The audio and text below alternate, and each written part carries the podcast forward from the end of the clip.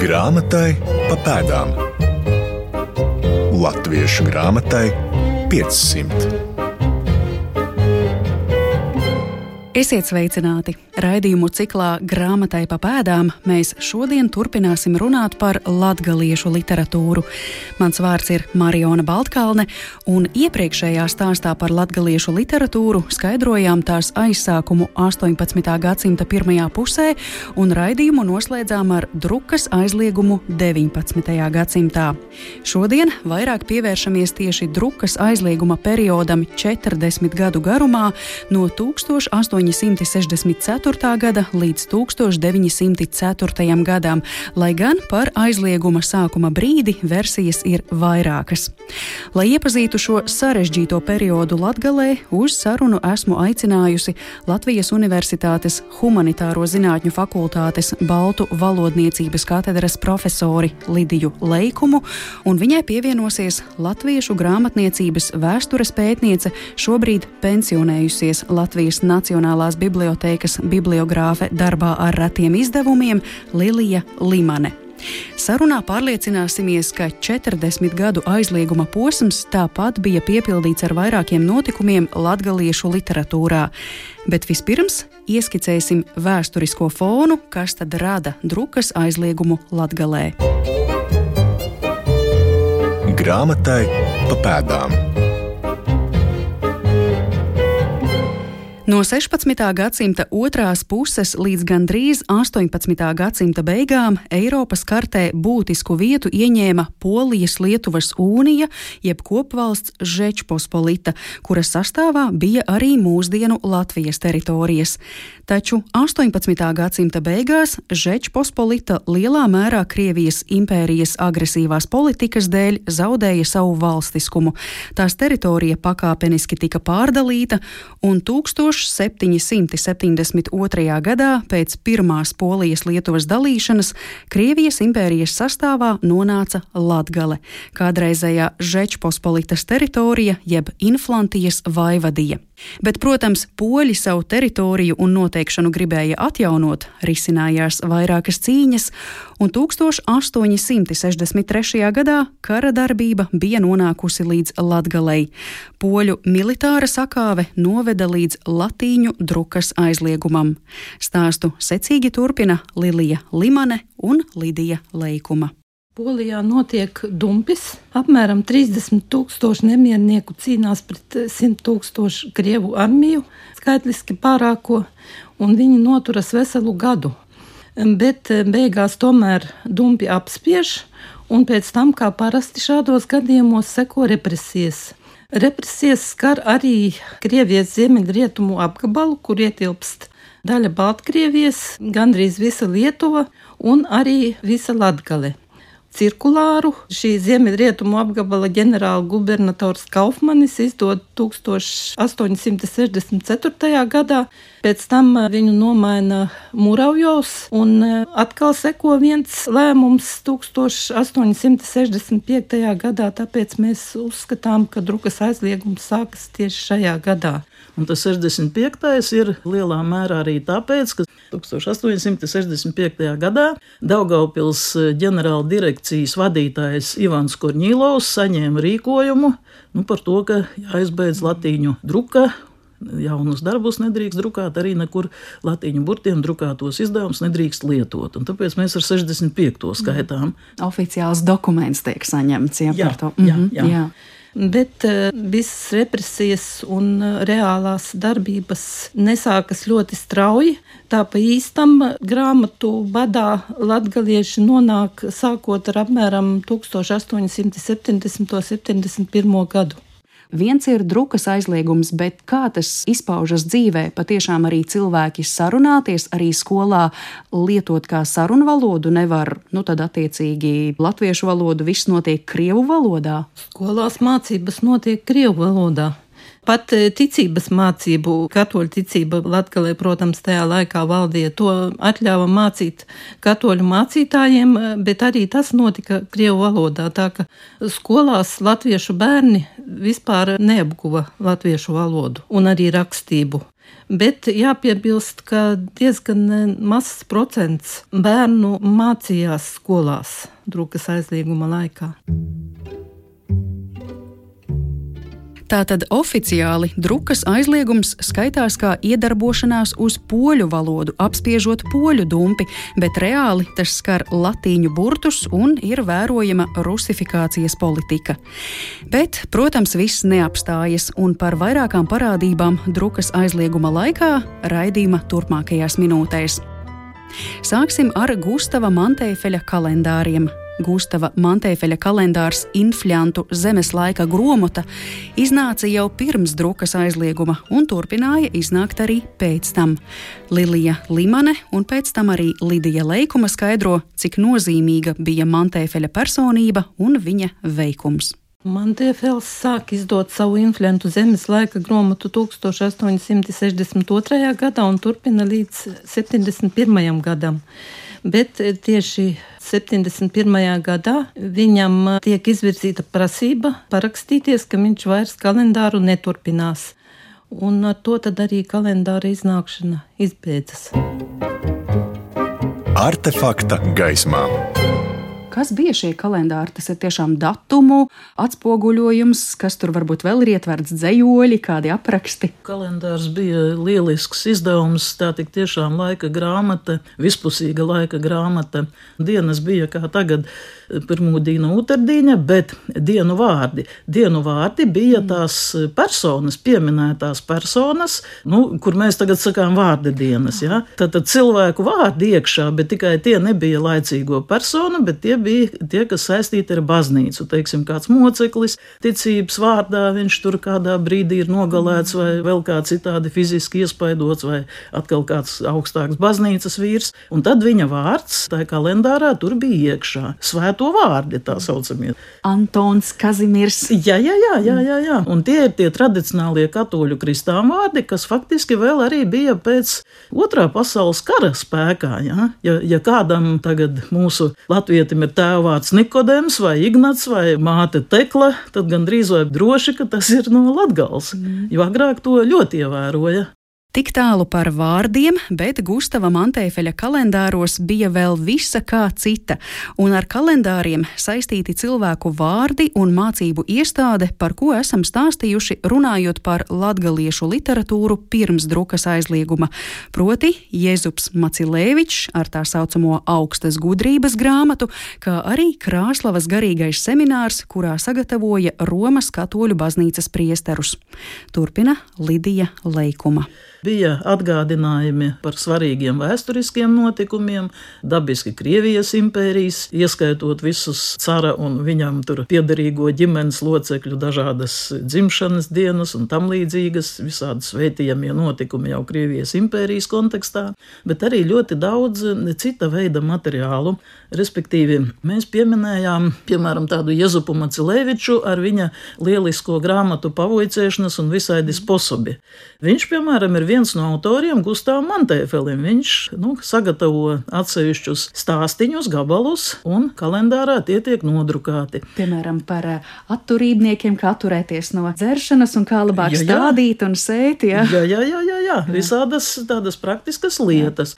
Un tas ir ļoti labi, protams, jo tas kalendārs bija tautā populārs. Mm. Līdz mūsdienām praktiski nav saglabājies mājās zemnieku kaut cita veida literatūra, citas grāmatas bieži vien ir saglabājušās nodriskātiem vākiem un tam līdzīgi.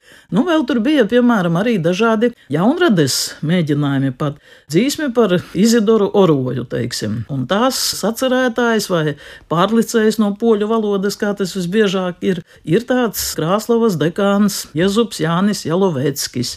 Nu, un tagad atkal ir tas Krāslavas garīgā semināra konteksts, jo viņš ir šī semināra rektors. Tātad tā laika izglītoti cilvēki palīdzēja Gustavam Mantēfelim, viņš viņus pazina, un tas kalendārs bija visai pilnīgs. Tur arī folkloras materiāli, piemēram, ir iekšā. Tur ir arī īsā folklora, ne tikai tautas dziesmas, bet arī garāka. Dažādi nu, stāsti no svēto dzīves un tam līdzīgi. Un, protams, visādas, visādas ziņas, kas no kalendāra piedienas, tur tirgus dienas un vēl tāda veida notikumi. Nu, tā apmēram bagātīgs saturs bija šim kalendāram. Desmit gadus tas turpināja iznākt un tiešām bija vērtīgs. Un tāpēc, kad eh, Gustavam Mantēfelim aizliedza šo kalendāru izdot, eh, daudz arī datē, arī mūsu kultūra vēsturnieki drukas aizlieguma sākumu ar 1871. gadu. Tad, kad beidz iznākt Gustava Mantēfelia kalendāru, nu tad it kā tā tumsa vēl dziļāka tika padarīta. Bet eh, viņš gan parakstīja, ko no viņa prasīja, bet viņš jau nebeidza runāt par to, kas bija aktuāls Latgalē. Viņš, piemēram, vāciski, poliski rakstīja, piemēram, tāda e, Hamburgischer Zeitung avīze. Un viņš skaidri un gaiši raksta, kas tas ir par milzīgu barbarismu, ka vienai daļai tautas ir pilnīgi noliegts latīņu burtiem lietot rakstus nekādā veidā. Protams, ka runāt neaizliedza viņiem neviens, un baznīcā tāpat tā latgaliešu valoda skanēja, bet citur nekur nedrīkstēja jau tās grāmatas ne izplatīt, ne lietot. Faktiski arī baznīcā varēja pārbaudīt, kas ir somiņā zemniecei un atņemt, un dzenāja visus tos, kas kādas svētās relikvijas, tur dažādas mantiņas, krustiņus un tam līdzīgi medaljonus taču tirgo parasti. Visu šo aizliedza. Tā bija reizē arī vēršanās pret katoļu katolicismu, protams, lielā mērā. Ja reiz grāmatas aizliedza un somiņas pārbaudīja, tad no Mantēfeļa kalendāriem likumsakarīgi nonākam līdz nākamajai parādībai drukas aizlieguma laikā. Tās bija nelegālās grāmatas. Lilija Limane savā publicētajā rakstā par drukas aizliegumu minējusi, ka nelegālās grāmatas Latvijā nonākušas caur Lietuvu. Bet kāpēc caur Lietuvu?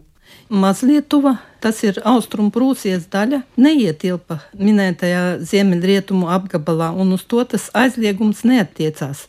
Līdz ar to lietuviešu grāmatas e, šeit drukāja un pēc tam nelegāli ienesa Lietuvā. Lietuva tādā veidā bija diezgan labi apgādāta ar literatūru. To veica grāmatneši, un lietuviešiem tagad grāmatneša piemineklis, un viņa piemiņa ir lielā godā tāpēc. Bet lietuvieši piepalīdzēja arī latviešiem. Un uh, arī latviešu grāmatas, lielākoties nelegālas grāmatas, mēs viņas dēvējam par kontrafakcijām. Tas ir uh, viltojums, burtiskā nozīmē, tulkojot viltotas grāmatas. Kāpēc viltojums? Tāpēc, ka viņām titulapā norādīja citu izdošanas gadu, tas ir pirms drukas aizlieguma, lai apietu cenzūru. Un tad viņas nelegāli tie paši grāmatneši, piepalīdzot lietuviešiem, ienesa Latvijā. Bet mēs, diemžēl, nezinām viņu vārdus. Kas tie bija par cilvēkiem no latviešiem? Visticamāk, ka pārsvarā lietuvieši nogādāja viņus līdz robežai, līdz Daugaupilī, un šeit tad pārņēma latviešu grāmatneši tālāko šo izdevumu izplatību. Ir zināms, pavisam apmēram kādas 35 šīs kontrafakcijas. Viņas ir bibliogrāfam diezgan viegli atpazīstamas, jo ir ļoti daudz valodas kļūdu. Dažkārt valoda ir tik ļoti izkropļota, ka nevar pat atpazīt, vai nu, latgalietis, kas pārzina latgaliešu valodu, viņam var būt grūtības šo tekstu izlasīt pat titulapu. Un tas radās tāpēc, ka salikumu veidoja lietuviešu tautības e, vai vācu pat burtliči.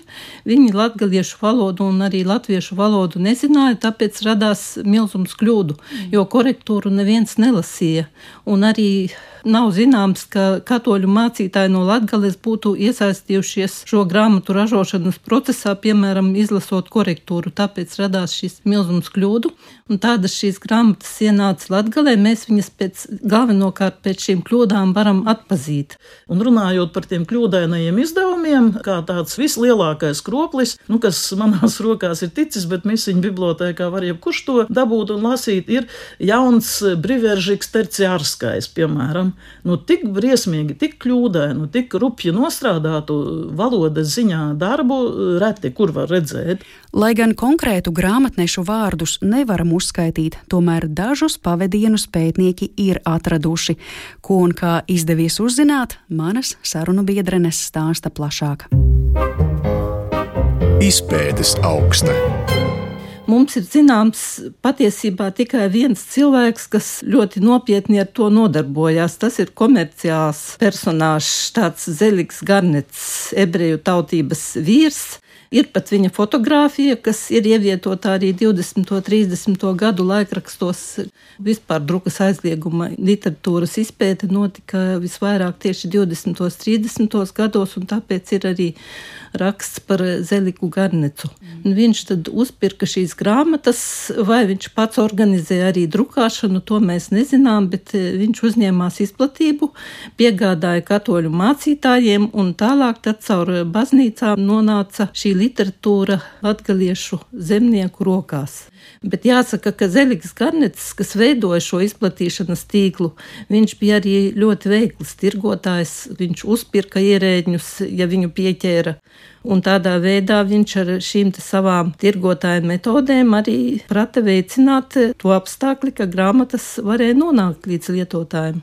Varētu piebilst vēl, ka principā kaut kur, kaut kas no tā, kurš tad latgalē ar šīm lietām nodarbojās, pavīd. Un pavīd tieši no lejušu rakstiem. Nu, man te ir līdzi Vītauta Merķa izveidotā grāmata Draudžo mūsus lietuviškos spaudos ķēļas.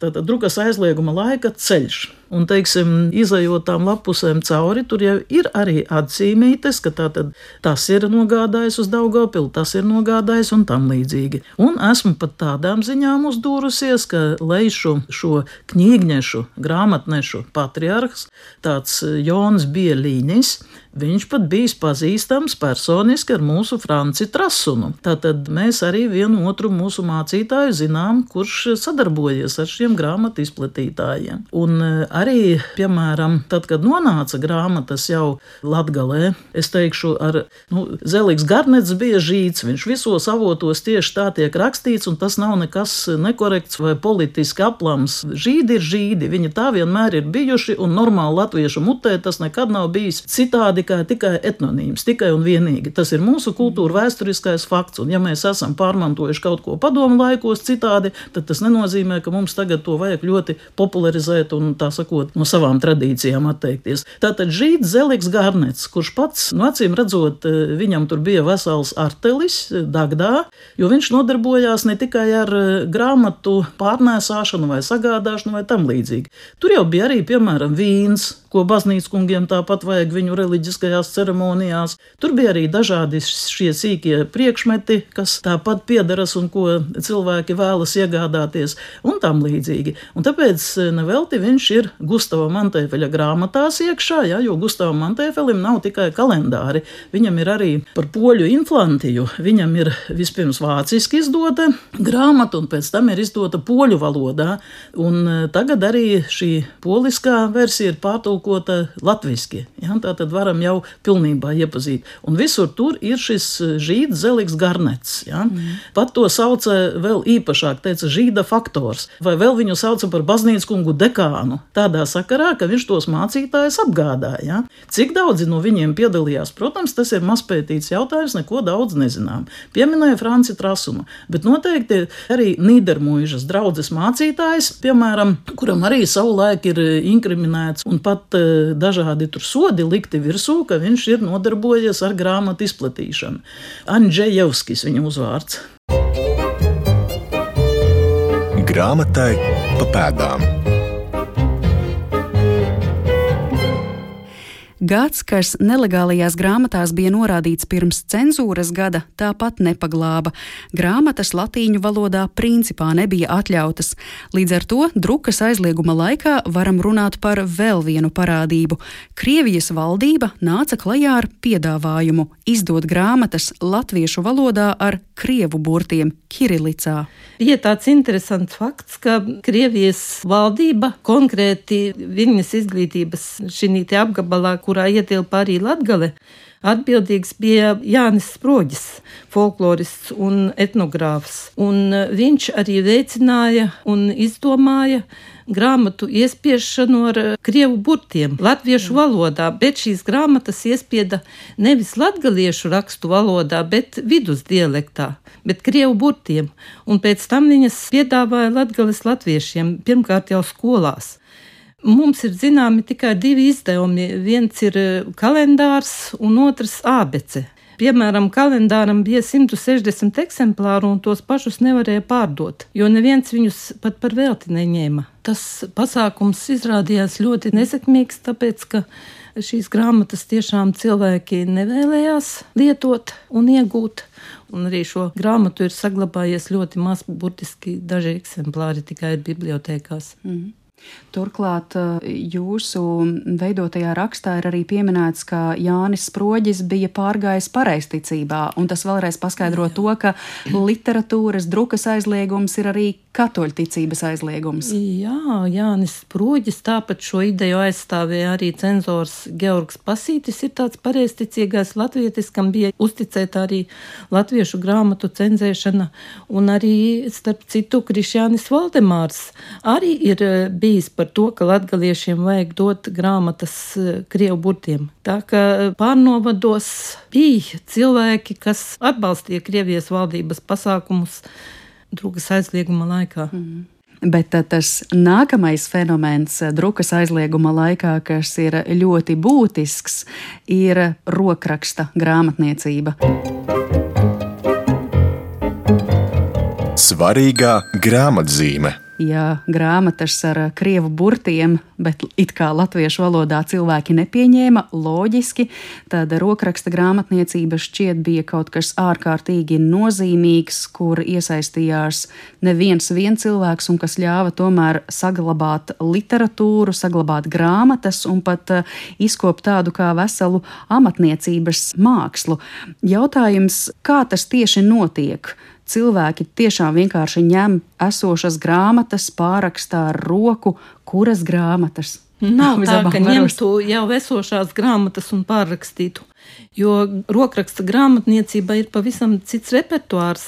Viņš atšķiras stipri no tā, kas bija publicētajās dziesmu un lūkšanu grāmatās, un mēs nevaram parādīt nevienu grāmatu, kas būtu pārrakstīta identiski tieši tāda, kāda ir iespiestā literatūra. Bet veidojās jau tā pārrakstīšana arī pakāpeniski. Parasti pārrakstīja kādu fragmentu teiksim, vienai tēmai veltītas garīgas dziesmas vai kādu litāniju, un tad viņu iešo vienā putnīciņā nelielā. Un uh, tad, kad bija sakrājies lielāks skaits šādu burtnīciņu, tad tikai sašuva biezā grāmatā. Reizēm sašuva un reizēm nesašuva.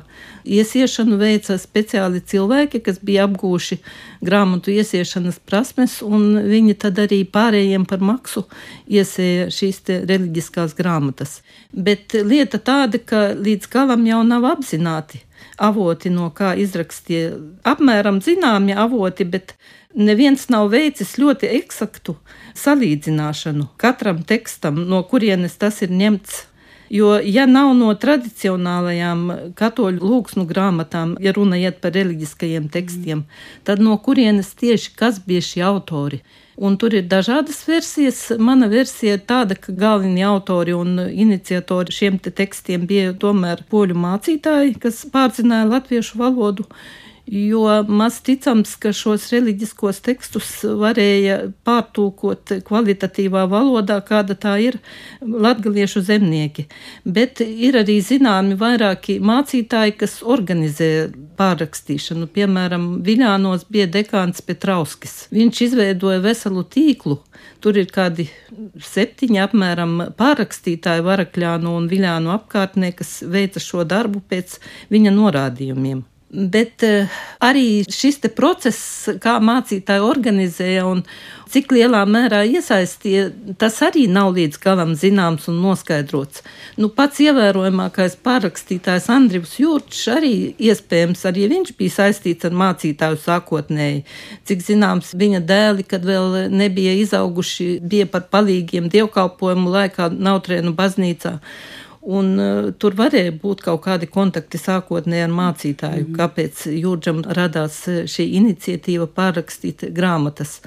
Vēl jau Pīters Migliņīgs. Bez Andrija Jūrģa. No nautrēniem mm. viņi bija pat uh, labi pazīstami. Mm. Mēs runājam par tautas iniciatīvu, bet kam pirmajam bija tā iniciatīva? Es pieļauju, ka tieši no mācītājiem viņa nāca, jo viņi bija interesēti reliģisko tekstu izplatībā. Tad arī jautājums, vai tie ir tikai reliģiski teksti, kas tiek pārrakstīti, vai arī citi žanri? Reliģiskie teksti bija visvairāk un primāri, bet tie aktīvākie un radošākie pārrakstītāji sāka ierakstīt savās reliģiskajās grāmatās vai arī atsevišķi būtnīciņās arī laicīgo literatūru. Arī sākotnēji bija noraksti, protams, noraksti pirmkārt no Mantēfeļa kalendāriem. Tas bija ļoti iecienīts avots.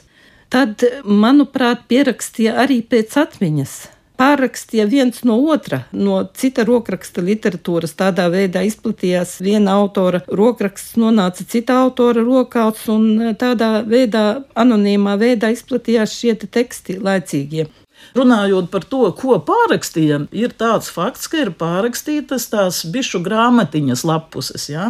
Akilēviča, kas ir 1832. gada, ja? tās pamācības biteniekiem, mm. biškopiem. Nu, es vēlētos papildināt pie avotiem, pie pārrakstīšanas avotiem, ka inflantu zemes laika gromata gan bija populārākais avots laicīgās literatūras jomā, bet tomēr aktīvākie un tādi gudrākie un kompetentākie pārrakstītāji izmantoja arī pārnovadu literatūru. Par citiem konkrētu ziņu man nav, bet Jurčs ir pilnīgi noteikti izmantojis latviešu literārajā valodā pārnovados iespiestās grāmatas saviem rokrakstiem. Piemēram, viens no populārākajiem un viņa iecienītākajiem autoriem bija Ernests Dinsbergs, ko viņš ir pārrakstījis. Tad viņš ir pārrakstījis arī aforismus dažādus, ko sauca par zelta grīvdeņiem, dūmu pērliem un līdzīgi. Tie bija viņa iecienīts žanrs, un to viņš arī izmantoja latviešu avīzes un mājas viesavēlīnos izdevumus. Atklājam tekstus! Man ļoti patīk jūrģa aforismi. Manuprāt, viņi skan ļoti, ļoti aktuāli. Piemēram, Sveša nauda nataisnīgi salasēta, sāat karmanu. Ar tūku moksoja viens natikums var divējus bērnus izaudzēt. Skaistums bez kauna ir tai patikai savietis puķes zīdenč. Pavasars ir smuks ar puķētiem, ar ūdens ar kīvliešiem. Zīmes soltumā visi jauni, visi veči drēži ciloja kojas. Un tie tā tad ir aforismi no no Jūrģa rokraksta grāmatas. Mums eh, Latvijas Nacionālajā bibliotekā nonāca Jūrģa iespiesto grāmatu biblioteka, kur ir apmēram 160 eh, latviešu grāmatas, un liela daļa no tām eh, latviešu literārajā valodā. Un tur tad ir paša Jūrģa roku veiktas atzīmes, ko viņš ir izmantojis pārrakstīšanai bet eh, līdz šim neviens nav veicis tādu zinātnisku darbu, ko apzinājās jau literatūras vēsturnieks Mēkuļs Apeļs, ka ļoti vajadzīgs darbs ir katru literatūras vienību, katru dzējoli, katru stāstiņu vai aforismu salīdzināt ar avotiem iespējamiem un arī eksakti noteikt šos te avotus. Tas joprojām nav izdarīts, tāpēc mēs kaut kādu vērojumu un apjausmu līmenī redzam, ko izmantoja Jurčs un citi pārrakstītāji, bet nav paveikts šis pētnieciskais darbs un nav ļoti konkrēti noteikti izrakstīšanas un pārrakstīšanas avoti un arī tā mutvārdu folklora, kas ienāca rokraksta grāmatās. Visbeidzot, kā vēl viena būtiska parādība drukas aizlieguma laikā, jāpiemin folkloras krājēji, un tādu ir nemazums. Lidija Leikuma atklāja dažus no tiem. Pirmām kārtām mums vācu mācītāju veidotajā turpinājuma izdevumā magazīnas ir Celinas plateres, tautas dziesmas iespiestas, kas ir savāktas Krāslavas apkaimē. Tas ir 1869. gads. Viņas tautas dziesmas ir arī Gustavs Mantēviļa kalendāros viena daļa tikusi iekšā. Pēc tam mums ir vēl izcilniece Stefanija Uļanovska, kur ir Krakovas Zinātņu akadēmijas uzdevumā ir savākusi ļoti daudz viļānu apkaimē folkloras materiālus. Mēs tos esam arī izdevuši atsevišķā sējumā, iesākot latgalistikas bibliotēku savējo. Droši vien, ka tādu vajadzētu vēl vairāk. Un tad ir, protams, arī vēl citi. Mums ir, piemēram, tāds Eduards Volteris bijis, kas no Krievijas Zinātņu akadēmijas, un viņiem tāda etnogrāfijas daļa pie geogrāfijas biedrības bija, un tad tās uzdevumā viņš ir vairāk kārt, nu vismaz trīs vasaras viņš ir uzturējies Latgalē, vācis dažādas materiālus, un pēc tam arī vienu daļu paguvis nodrukāt. Tas ir 1890. gads. Viss tas, ko mēs pieminam, ir drukas aizlieguma tie drūmie laiki. Ja, un arī Stefanijas Uļanovskas folkloras materiāli ir 1891, 92, 95. gads. Un tad gadsimta beigās tad parādās arī pirmais latviešu autora darbs jau, nu, Latgals latvietis, tad Pīters Smeļters ir savu voceļeiti nodrukājis, un tas ir 1899. gads. Un tā ir tāda e, ļoti skaista gan ideja, gan tās realizējums gadsimta beigās, un tas ir, protams, ar mūsu pārnovadnieka, tāda Jāņa Steinberga, kas bija izdevējs 19. gadsimta beigās, un ar viņa starpniecību, viņa apgādībā tas arī iznāca.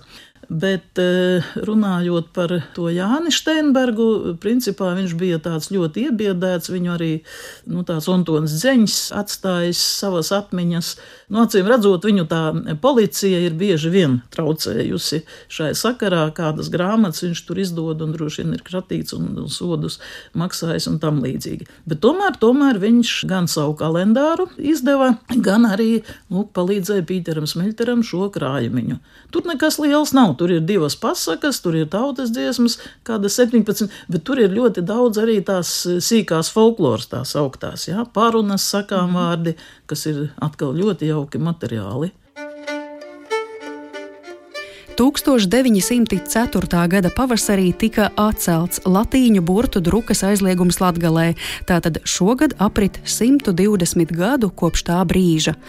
Noslēgumā manas sarunu biedrenes skaidro to, ka visaktīvākā latgaliešu literatūras pētniecība notikusi Latvijas Pirmās republikas laikā.